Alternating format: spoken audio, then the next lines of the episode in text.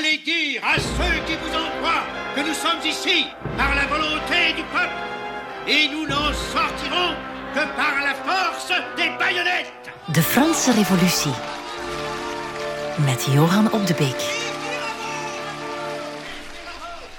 We zijn in de zomer van 1789 en wat is eh, Parijs?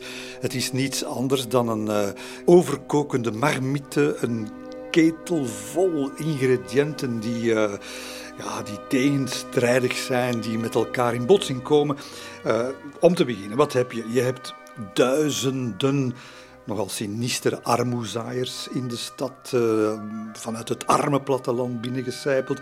In de stad zelf brood dat schaars is, de prijzen zeer, zeer hoog.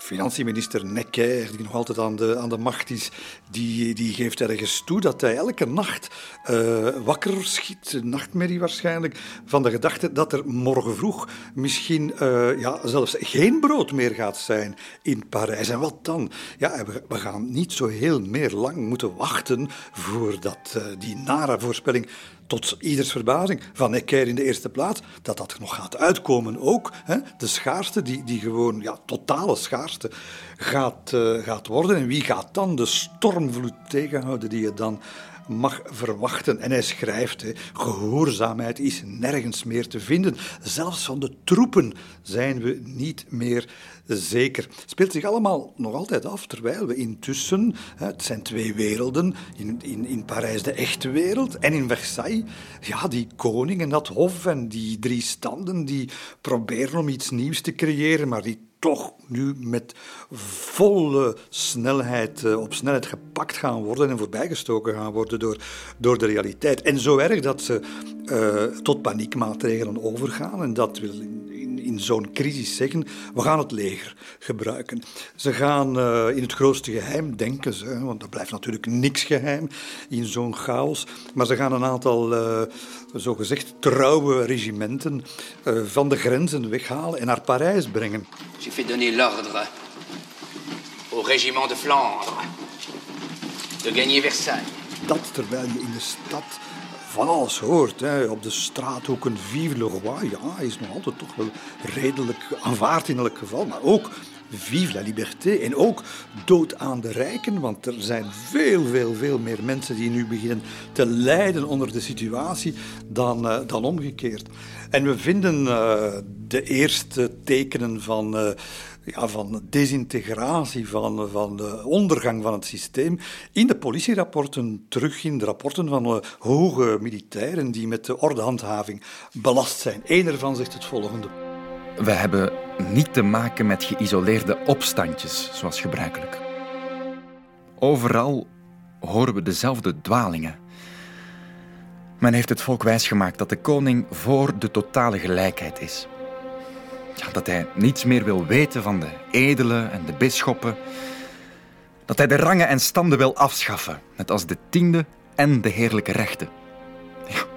En nu denken al die dwalers dus dat ze in hun recht staan en alleen maar de wil van de koning uitvoeren. Je krijgt een uh, ja, afkalving van het gezag. Hè. Uh, niemand lijkt nog bang te zijn voor de dienaren van de wet. Ja, voor zover er nog zijn hoor, want de politie die is de greep kwijt en ook de elite-troepen zelfs. Hè? Want we hebben het niet over een paar uh, weggelopen huurlingenbendetjes, maar uh, de Royal Cravatte, de ruiterij van, uh, van de elite, de Garde Française. Zelfs bij de Zwitserse garde, kun je dat voorstellen? Dat is de, de lijfwacht van de koning.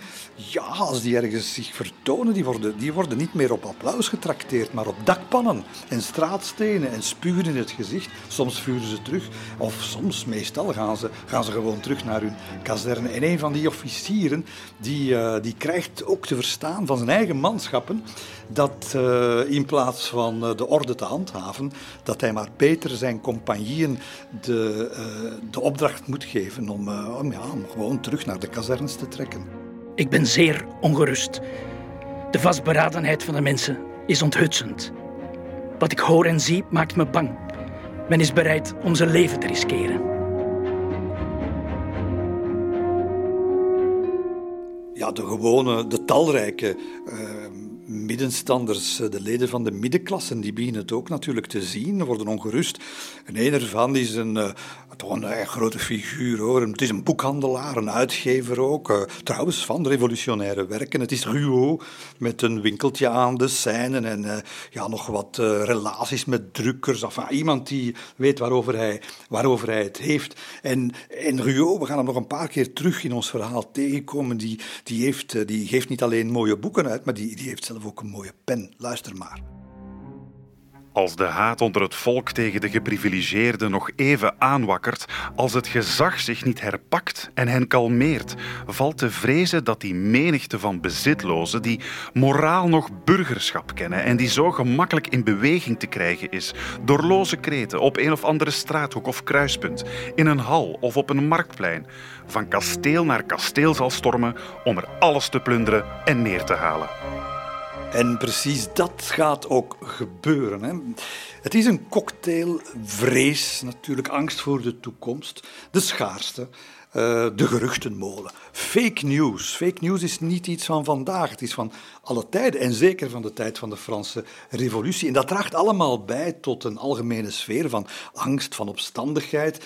Uh, zij die graag amok maken, zij die amok maken omdat ze honger hebben. En zij die het amok maken omdat ze het bestel willen omverwerpen, wel, dat zijn geen vrienden van elkaar, dat zijn geen bondgenoten zelfs van elkaar, maar ze versterken wel elkaar. Het is een, zij maken die explosieve cocktail. En waar ga je dat het meeste uh, zien, uh, aan het werk zien? Wel, dat is toch op een van de iconische plekken van, van uh, Parijs, zelfs van het toeristische Parijs van vandaag. Dat is de Palais Royal.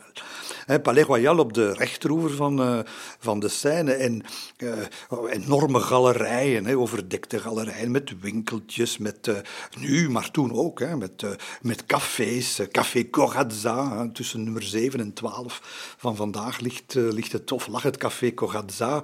Galerie Montpensier. je hebt de Café de Foix. Dat is een echte vestibule van de, van de rebellie. je hebt Café du Caveau, La Grotte Noem maar op, restaurants en, en boekhandeltjes. En daar kriebelt het van, van, de, ja, van de rebellen, van de opstandelingen. En, en die kunnen dat daar maar allemaal doen en zeggen en, en hun pamfletten uitdelen. En op, en op caféterrasjes, waar men overigens geen bier en wijn, maar wel uh, limonade en ijs verkoopt. Hoe onschuldig. Maar die kunnen daar gewoon in gang gaan. En hoe komt dat? Wel, Palais Royal is niks anders dan het eigendom van de, de Duc d'Orléans, van de hertog van Orléans zelf een, een louche kereltje hoor, want dat is een ondermijner van zijn eigen familie. Dat is eigenlijk een jaloerse familielid van de koning, die liever, veel liever zelf koning zou geweest zijn. Eh, en die dus niet liever doet dan uh, dat hele uh, nest gewoon uh, voortdurend pesten en ondermijnen. En dus laat hij maar doen. In zijn palais royal kilometers lang en uh, duizenden mensen kunnen daarin rondlopen. Wel, daar mag de politie niet binnen. Hè? Het is van hem. En dus laat dat daar maar begaan en onder de neus van een lid van de koninklijke familie. Ik zou zeggen met grote steun, want hij, tussen haakjes, betaalt een heel deel van die pamfletten, die opruinen, die tegen de koning en tegen de monarchie eh, oproepen. Wel, hij betaalt dat en dus onder zijn neus en met zijn medeweten en medewerking wordt in Palais Royal eigenlijk de poten onder de stoel, onder de troon van Lodewijk XVI vandaan gezaagd.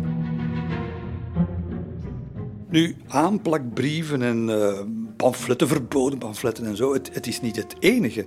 Nee, er zijn ook. De, de revolutie die nu begonnen is, creëert ook een, een nieuw personage, creëert een, een, ik ga bijna zeggen, een nieuw beroep. Het is de journalist. Het is de journalist die deze keer niet meer een broodschrijver is voor de een of andere machtige, maar ja, het zijn, uh, het zijn mensen die uh, inderdaad gebruik maken van die vrije meningsuiting die nu toch min of meer geconsacreerd is. En in Parijs alleen al gaan er in die maanden maar liefst 515 kranten uitgegeven worden. Van allerlei strekking en met wisselend succes. Maar daar is bij uh, de, de Patriote Français bijvoorbeeld, van een, van een voorname revolutionair, van Brissot, die later uh, burgemeester van Parijs zal worden. En hij heeft succes, want hij schrijft uh, en zijn redacteurs in, en dat is ook nieuw in die tijd, in eenvoudige taal, in bevatbare zinnen. en wordt daardoor veel gelezen, is zeer invloedrijk. En natuurlijk ook de fameuze Mercure National, de krant van uh, ons, uh, ja, onze Belg, de, de François Robert en zijn vrouw Louise de Keralio, die uh, iets abstracter schrijven, misschien niet zo populair, maar wel radicaler. Hè? Radicaler in de zin dat het heel duidelijk wordt dat, dat daar voor de republiek gepleit wordt, ofschoon men dat nog niet hardop zegt. Ik, ik heb mij er niet kunnen van weerhouden, want die François Robert is natuurlijk wel de, de, de, het personage die in mijn boek over de Franse Revolutie het hele verhaal vertelt. Ja, dan, dan wil je weten wat, wat, heeft die man nu meegemaakt? Waar woonde die bijvoorbeeld? Wel, het is, het is geen toeval allemaal. Uh, die woonde in de Cordelierswijk. En de Cordelierswijk, dat is, uh, ja, dat is een van de bekendste nu uh, van, van Parijs, op de rive gauche. Saint-Germain-de-Pré, daar zo'n beetje. Daar ligt dat, hè, bij de Rue Bonaparte, die natuurlijk toen niet bestond.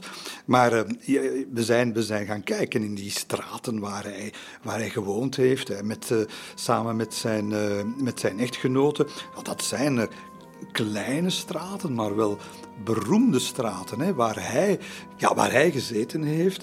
Dat is eh, de Rue des Marais Saint-Germain nummer 2 bijvoorbeeld. Dat, dat is hun eerste appartement. Wie heeft daar gewoond? Jean Racine heeft daar gewoond. De door Henri IV verstoten koningin Marguerite Valois heeft daar gewoond. En op het moment dat uh, François Robert zijn, uh, zijn gedachten ordent na de revolutie, zal het Balzac zijn, die in dat straatje, een straatje van, van drie meter breed, en je kunt zijn huis er nog altijd gaan bekijken. Ze gaan daar niet heel lang blijven wonen, ze gaan naarmate de revolutie vordert en ze eigenlijk ook maatschappelijk opgeld maken, gaan ze ook uh, wonen. Maar die Cordelierswijk waar ze dus zitten, daar is iets mee. Het is niet voor niks dat een van de meest revolutionaire clubs, want we kennen natuurlijk allemaal de Club des Jacobins, de Jacobijnen, maar nog revolutionairder waren de Cordeliers. De Club des Cordeliers, waarvan onze uh, luikenaar, François Robert, ook voorzitter is geweest. En allemaal geen toeval, want wie woont er allemaal in die Cordelierswijk? En ze, ze, zitten, ze zitten op, soms op 20 meter van elkaar. De ene kan soms bij de andere binnenkijken in, uh, in, in, wie er aan het eten is of zo. Hè. Zo dicht zitten ze op elkaar.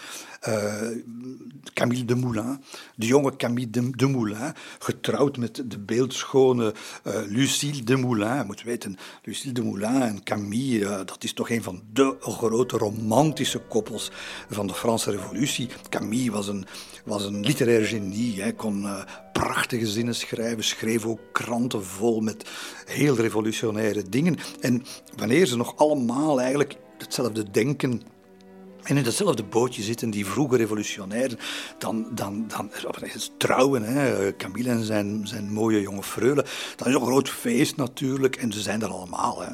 Danton is daar, François Robert is daar, en Robespierre is daar. En Robespierre, die gaat op een zeker moment, dat was gebruikelijk dat, uh, dat uh, een van de genodigden, een van de eregasten, we hebben het over Robespierre, die nog niet de Robespierre is die u in gedachten heeft, maar nog de vrij kleine, onbekende advocaatje uit Arras. Wel, Robespierre die gaat daar onder de tafel kruipen, op zijn knieën zitten, uh, tussen de benen friemelen van uh, mevrouw van de Kersverste, mevrouw Desmoulins. En die gaat daar haar kousenband uh, van het been laten glijden. Robespierre, die voor de rest van zijn leven nooit betrapt is op enige liederlijkheid met dames. U ziet hem al zitten, misschien is zijn pruik wel afgevallen daar onder de tafel, maar hij trekt daar de kousenband uit. Wat een gelach moet dat allemaal geweest zijn. Tussen lieden die op dat moment nog altijd samengesnoerd zijn door datzelfde verlangen van maatschappelijke vernieuwing en nog niet weten dat het geen drie jaar meer gaat duren of ze gaan elkaar naar het leven staan. À la mariée.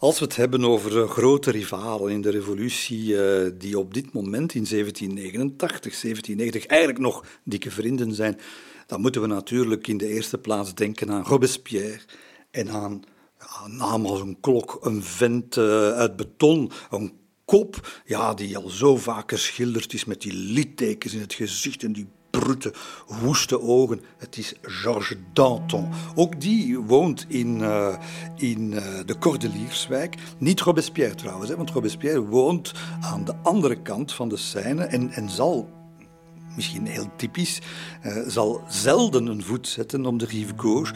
Maar Danton, ja, Danton die zit uh, uh, meer in het café natuurlijk dan thuis. Welk café? Een café dat u nog altijd kan gaan bezoeken. Het is Café Procope in de Rue de l'Ancienne Comédie, nummer 13. Iedereen zit daar. Het is het café waar vroeger Diderot en D'Alembert hebben uh, getafeld en met hun grote ideeën elkaar hebben geconfronteerd. Voltaire is daar geweest. En nu zitten ze daar, of François Gobert, nu zit daar de, opvolgers zitten daar, Danton. En het is in de Procope dat Danton uh, eigenlijk ja, uh, zeer snel zich gaat ontpoppen tot een, een echte volksmenner de held van de wijk, het district des Cordeliers. Iedereen kent die mannen trouwens. Hè. Uh, daar moet je dat voorstellen. Dat ligt dus tussen de Jardin de Luxembourg, de Rue Dauphine en eigenlijk de Quai des Augustins aan de Seine. Die, dat, dat rechthoekige gebied, klein eigenlijk, hè, maar, maar werkelijk het, het, het ja, de broeikast van die revolutie. Desmoulins, Fabre d'Eglantine, Prudhomme, allemaal namen die we nog gaan tegenkomen. En ook een, uh, een naam waar je, uh, als je het verhaal een beetje kent, waar je kippenvel van krijgt. Het is Jean-Paul Marat. Marat, de, de, de, ook een journalist, maar een journalist die bloed wil zien. Goed, op dat op, het is allemaal nog niet zo verdacht. Maar wat wel belangrijk is, is dat dat die mannen uh, zo, dat, ja, die zijn geliefd, gekend. Men spreekt die ook, uh, men spreekt die ook, het zijn bijna begrippen, want je zal nooit uh, iemand horen zeggen tegen Danton, ah, Georges, hoe gaat het met je? Of ik heb, ik heb Jean-Paul gezien. Nee, nee, dat gaat over Danton is daar, dat gaat over Marat. en dat, tegelijkertijd zijn dat, zijn dat ja, mensen die hen op wijn trakteren, schouderklopjes geven, hun brieven ronddragen, noem maar op. De enige die men bij de voornaam noemt en nooit bij zijn achternaam is Camille de Moulin. Iedereen in de Cordelierswijk, die duizenden mensen, die spreken over Camille. Het is de chouchou. Het is de, de, die jonge gast met zijn... Ja, hij ziet er goed uit, hij is zo bespraakt. Hij is, het is een engeltje, het engeltje van de revolutie. En uh, ja, het is natuurlijk uh, uh, niet voor niks dat die man ook heel vaak gaat vergelijkingen maken tussen wat ze aan de hand hebben in 1789 en wat er gebeurd is in Rome. Voortdurend is dat uh, invloed, Rome, uh, onder de Romeinse Republiek. Hè. Uh, voortdurend zijn dat referenties naar, uh, naar de periode van het grote Rome, net voor de keizers, waar het volk besliste, waar het volk verkoos en waar zij nu natuurlijk ook naartoe willen evolueren. En het, is, het is eigenlijk een beetje aan Camille Desmoulins te danken, aan zijn pen, dat ook gewone mensen die, die die sprong in hun gedachten konden maken tussen wat ze meemaakten en, en, en konden zien dat dat eigenlijk hè, 1800 jaar geleden ook al is gebeurd. Wat dat dat niet uit het niks kwam, dat republikeinse gedachtengoed. We kunnen dat toch wel voor een groot stuk toeschrijven aan een journalist, aan Camille Desmoulins.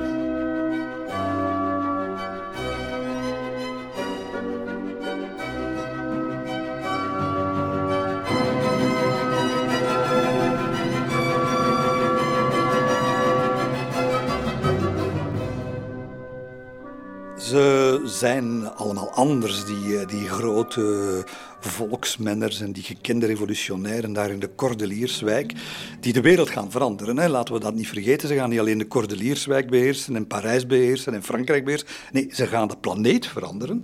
En ja, toch even stilstaan bij die, bij die persoonlijkheden. Om te beginnen Danton.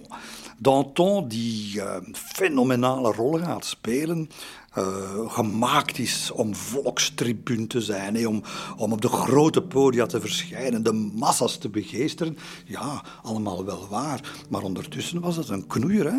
Ondertussen was het een schoemelaar. Hij schoemelde met andermans vrouwen. Hij uh, uh, had geld waarvan hij de oorsprong niet kon verklaren. En er wordt zelfs gezegd, en François Robert, die hem goed kende, die weet dat, er wordt gezegd dat hij ook zelfs bloedgeld heeft aangenomen. Dat wil zeggen, geld van de koning om eh, te zorgen dat de monarchie niet in al te grote problemen zou komen. Als dat waar is, dan heeft de koning in elk geval een bijzondere slechte neus voor goede investeringen, want het is natuurlijk niet goed afgelopen. Maar in, in, in een Magat, een Robespierre, dat zijn de, de zuiveren. De zuiveren voor wie het, het normale menselijke ondenkbare is. Je moet zuiver op de leer, in de leer zijn, zuiver op de graad zijn. Uh, alles wat zweemt naar vleeselijke lusten, wat, uh, wat lijkt op het genieten van het leven en wat natuurlijk dan corruptie zeker en vast, maar dat is, dat is des duivels voor hen en we gaan zien welk, welk een belangrijk, ontzaglijk belangrijke rol dat nog gaat spelen. Wel, die, die knijpen op dit moment nog een oogje dicht voor die escapades van Danton. Danton op een zeker moment komt uh, de Moulin of zijn vrouw, ik weet het niet meer, in, een, in het Théâtre Français, binnen in, een, in de loge uh, waar ze naar een stukje komen kijken. En wie vinden ze daar op de grond te midden? Drie naakte vrouwen. Het is Georges, uh, die daar zijn, zijn nummertjes aan het opvoeren is, om hem maar te zeggen. Robespierre, die keek nog niet naar een vrouw. Hè. Met Danton kon je over het leven praten en over la bonne fourchette, waar het lekker was om te eten. En natuurlijk over de dames en, en, en, en, en misschien over seks. Maar Robespierre, die dan met de ogen geknipperd hebben en zijn, uh, zijn pruik nog eens goed rechtgezet hebben als je zulke onderwerpen aansnijdt. Twee totaal verschillende mensen, maar wel nu nog aan het trekken aan dezelfde kar. En dan heb je Camille Desmoulins. Ik heb het al gezegd, schrijver, uh, advocaat, zeer wel bespraakt uh, verfijnder dan, dan iedereen. En hij beschikt over een deugd die we nodig gaan missen in de revolutie. En eigenlijk nu al missen. Camille de Moulin was namelijk een verdraagzaam mens. Hij walgde van figuren als Maga, die alleen maar hè, uh, haten en die alleen maar anti waren, die alleen maar opriepen tot geweld en tot omverwerping van dit en dat. Uh, uh, trouwens, een, een, afkeer die wederzijds was, want Magat die vond de Moulin een softeling. Hè. Dat is iemand die dat met zo'n met zo'n we het niet halen. Hè. En hij zal hem ook zwaar aanvallen later. Maar de Moulin is het toonbeeld van de tolerante revolutionair, de man die geleidelijk wil gaan. Soms gaat hij daar wel van dat pad afwijken hoor. Maar het is, uh, ja, het is zoals Marat hem eigenlijk een beetje zei: het is iemand met een goed hart en een zwak hoofd. Met andere woorden, hij is niet bereid om koppen te laten rollen. En voorlopig, voilà, gedogen ze elkaar allemaal. Uh, iedereen wil die revolutie zien bewegen. Danton wil vooral dat hij die beweging kan controleren. Marat die wil dat er iets beweegt en dat niemand dat nog kan controleren. En Dumoulin die wil dat er eigenlijk niks gebeurt van wat hij zich in zijn geschriften aan het voorstellen is, omdat hij bang is voor de gevolgen.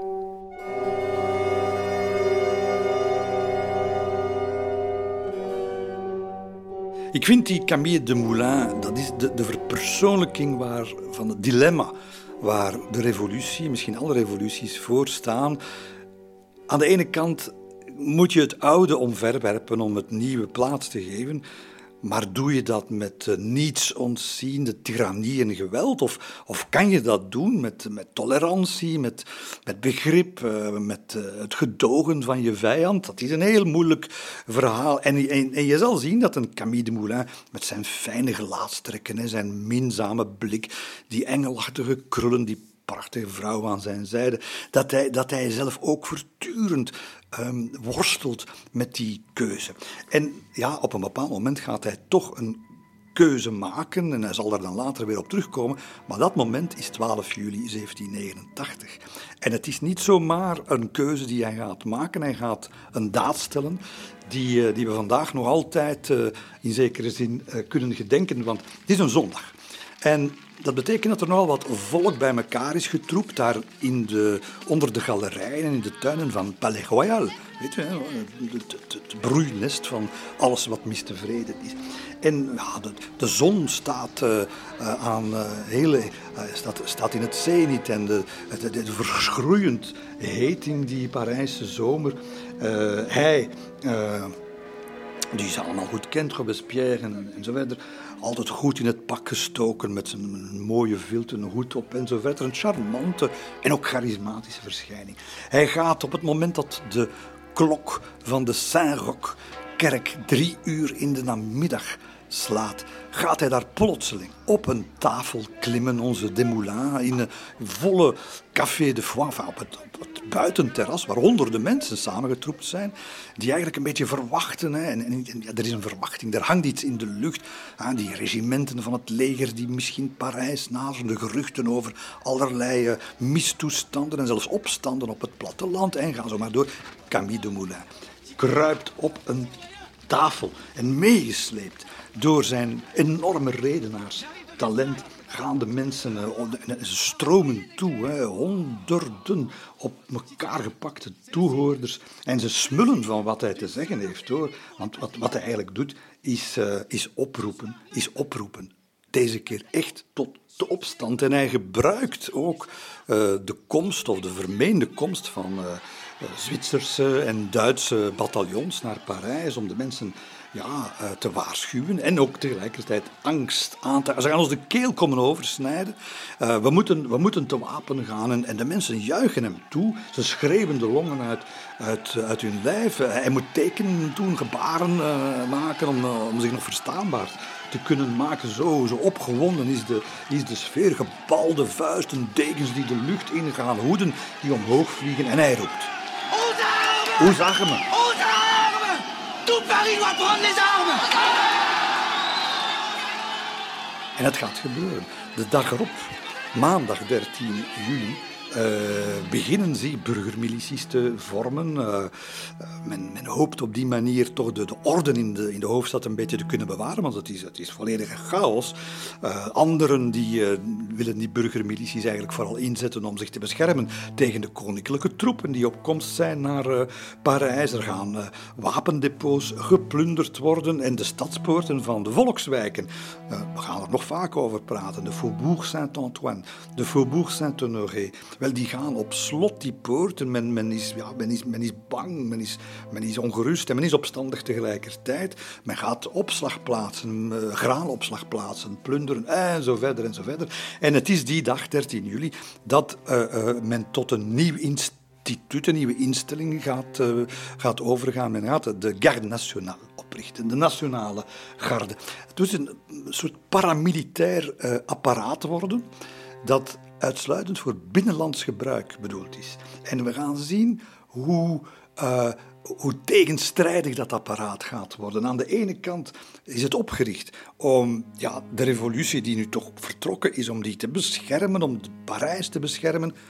Maar een aantal anderen, en ook revolutionairen, gaan die Garde Nationale, de Nationale Garde, eerder zien als een, als een eh, militair binnenlands repressieapparaat. Om ervoor te zorgen dat die revolutie vooral niet uit de hand loopt. Dat het niet te ver gaat met uh, al dat geroep om vrijheid en gelijkheid.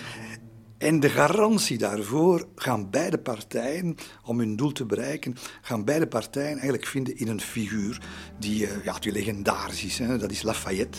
Lafayette, een man met te grote militaire ervaring in de Amerikaanse onafhankelijkheidsoorlog. En die gaat die eerste nationale garde onder zijn hoede nemen. Uh, eh, 12.000 manschappen, maar het gaat, er, het, gaat, het gaat er een veelvoud van worden. Nu, nationale garde of niet. De spanning in de hoofdstad die sinds die toespraak van de Moulin in de Café de Foix in de Palais Royal. Uh, nu de 13e juli voorbij, s'avonds, het is warm, de mensen blijven op straat rondlopen, hangen rond, praten, geagiteerd. Die spanning stijgt ten top. En wanneer de volgende ochtend aanbreekt, zijn we 14 juillet. We zijn 14 juli. Duizenden mensen trekken door de straten. Ze bezetten het stadhuis. Ze zijn gewapend met, met pieken, pijlen, met gestolen musketten.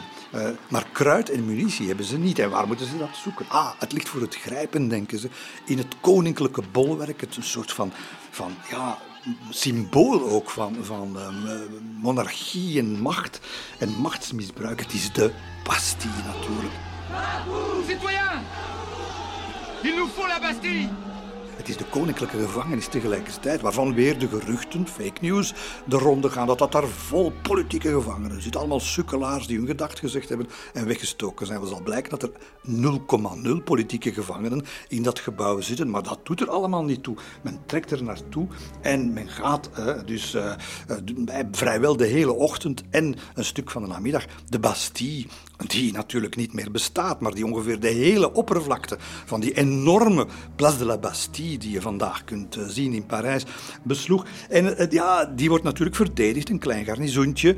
Uh, een baas natuurlijk, een leider, de gouverneur van de Bastille, Delaunay.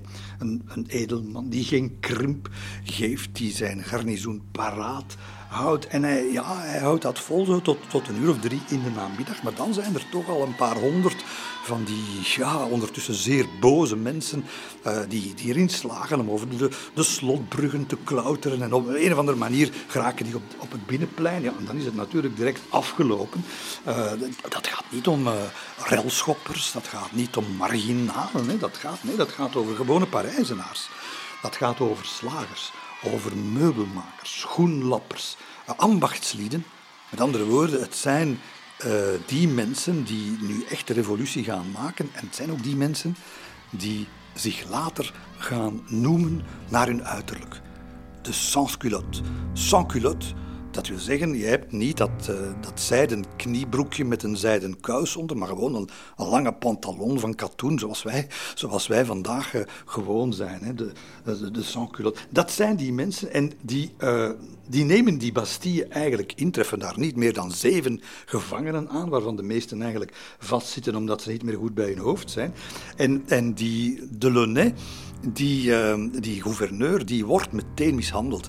Die wordt met, bij de haren uh, gepakt en die wordt gewoon zo over de straat keien gesleurd, terwijl hij net voor zijn overgave had, uh, had uh, bedisseld of bedongen bij die aanvallers dat, dat zijn mensen ja, vrije aftocht zouden krijgen. Ja, dat duurt allemaal niet lang.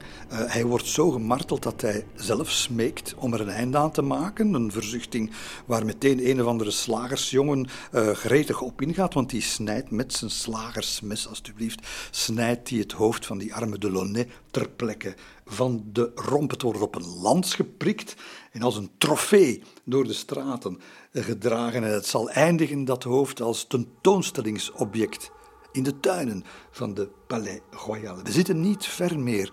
Nee, wat zeg ik? We zijn beland in de barbarij op op, op twee dagen tijd, op, op, op enkele uren tijd. Geen spoor van ordehandhaving, niks. Je, je, ziet ze niet. Die, die bataljons van de, van de Nationale Garde, trouwens, een aantal doen mee uh, aan, aan het hele gebeuren. Uh, de Garde Française, elitetroepen die zich in de hoofdstad bevinden, nergens te zien. En dus ja, dat, dat, een stad in shock, werkelijk verkeerd. Uh, een heel aantal van die, van die mensen, van die officieren uit de Bastille worden gewoon koudweg uh, vermoord.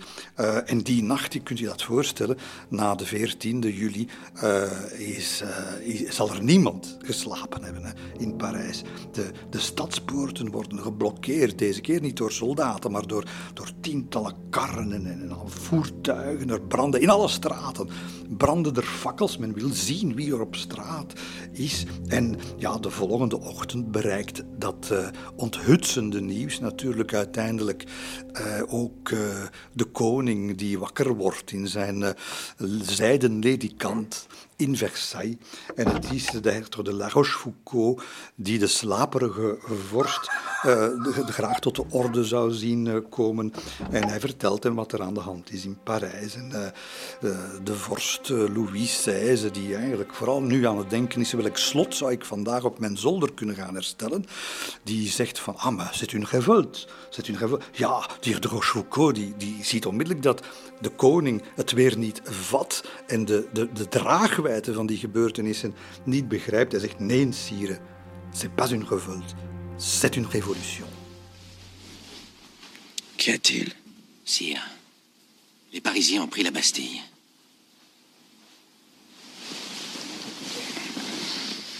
Pris la Bastille? Pourquoi? C'est une révolte Non, sire. C'est une révolution.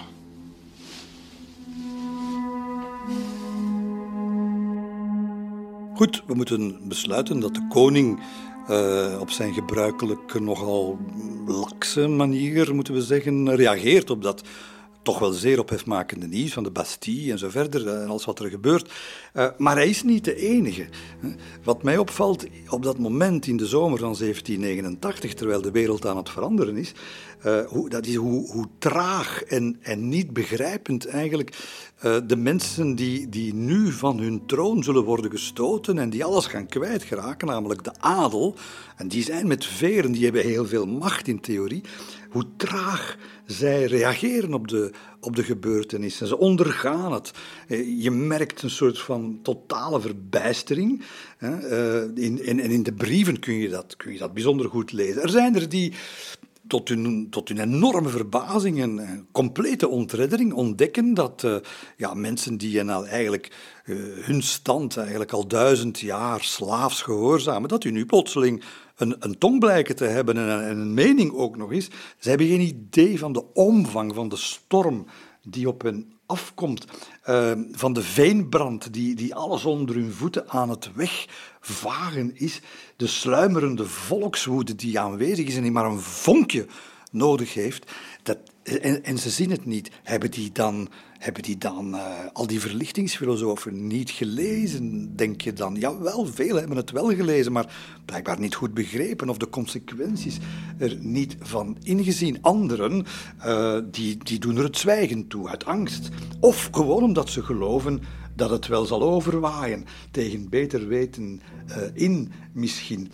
maar door de band genomen, merkwaardig. Men, men laat zich eigenlijk gewillig in de hoek duwen. De omwenteling ondergaat men. En er is geen spoor, maar dan ook geen spoor van, van een echt initiatief te vinden om het tij te keren. Men, men schuilt voor het onweer, dat, dat is het zo'n beetje. En wat is de oorzaak daarvan?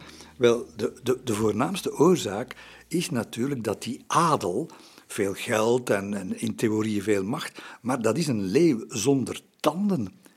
Ja, want die tanden die zijn eh, meer dan een eeuw geleden uitgetrokken door Louis XIV, door de zonnekoning, die de adel als een rivaal zag, als een tegenmacht en die ze helemaal verknecht heeft, die ze geleerd heeft om naar de koning te luisteren, op de koning te wachten, de koning te gehoorzamen. En, en voilà, daar, zit, daar zit nu zijn opvolger, die niet dat verstand heeft, die niet dat politieke doorzicht heeft en die, ja, die, die niet weet wat hij moet doen.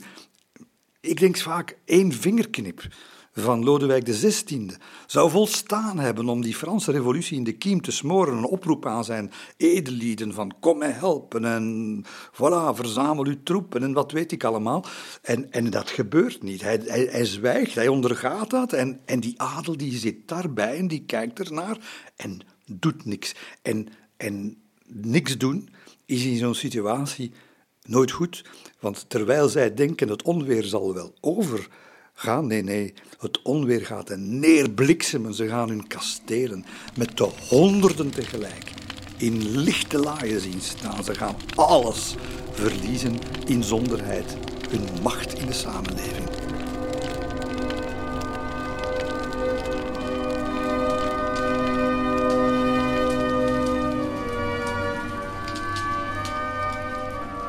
De Franse adel gaat zich al heel gauw opsplitsen in uh, een deel dat, uh, dat in Frankrijk blijft en de gebeurtenissen afwacht, en een ander deel dat misschien slimmer is, dat uh, een heel naar voorgevoel heeft en dat besluit om het land te verlaten, emigreren, de emigrés. Ook een begrip dat we nog gaan terugzien. Uh, uh, mensen die hun heil gaan zoeken met al hun geld en soms met heel hun ja, huishouding, familie uiteraard, maar ook bedienden en dergelijke meer. In Duitsland, tot in Rusland gaan ze, Italië gaan ze belanden. en ja, ze gaan niet veel tijd nodig hebben, moet ik zeggen, om hun voorgevoelens bevestigd te zien. Want ja, er is een, een van die verhalen die men te horen gaat krijgen, is het verhaal van Joseph-François Foulon, een baron. Uh, dat is een, een, man van 75 al hoor, maar die is wel uh, een machtige figuur geweest onder het ancien regime.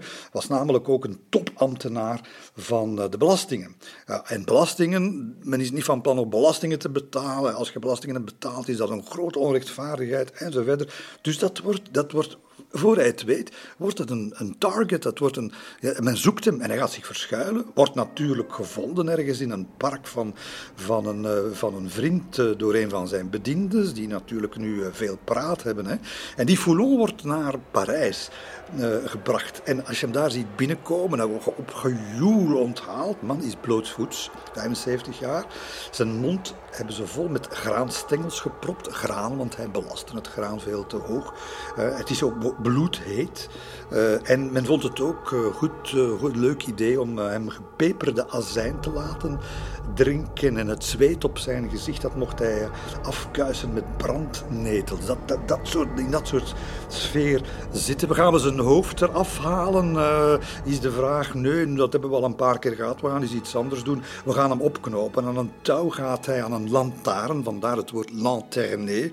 Men gaat dus les, les aristocrates à la lanterne, gaat dan van dan af een begrip worden. En die Foulon, garme die man wordt daar, terwijl de klaterende lach opstijgt uit de menigte, wordt hij daar naar boven gehesen. Je ziet hem daar spartelen. Dat touw breekt en hij kletst op de grond. Zijn botten Bjoortse kraken.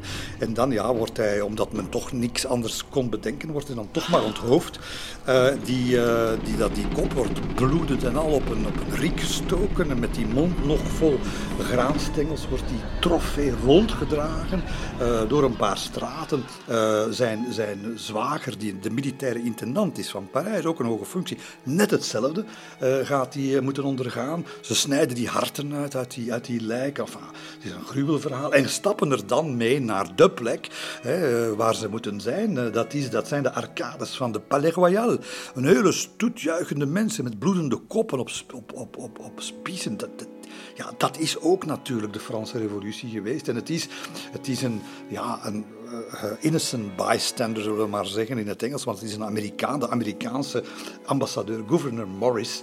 Trouwens, een belangrijke man, hij heeft mee de Amerikaanse grondwet geschreven. En die zit daar te eten. Die komt daar net uit het restaurant in de Palais Royal. En die, die, die stoot daar op die, op die joelende ja, wat moet je dat noemen, die barbaarse massa. En hij schrijft. Ik kuierde wat rond onder de arcades van het Palais Royal, terwijl ik wachtte op mijn rijtuig. Plots kwam een meute de hoek om met het hoofd en het lijk van monsieur Foulon. Het hoofd was gespietst op een piek. Het lijk werd over de grond gesleurd. Deze gruwelijke vertoning speelde zich later ook af in de omliggende straten. Met een barbaarse vreugde vermaakte het gepeupel zich met de vormeloze overblijfselen. Grote God, wat een volk.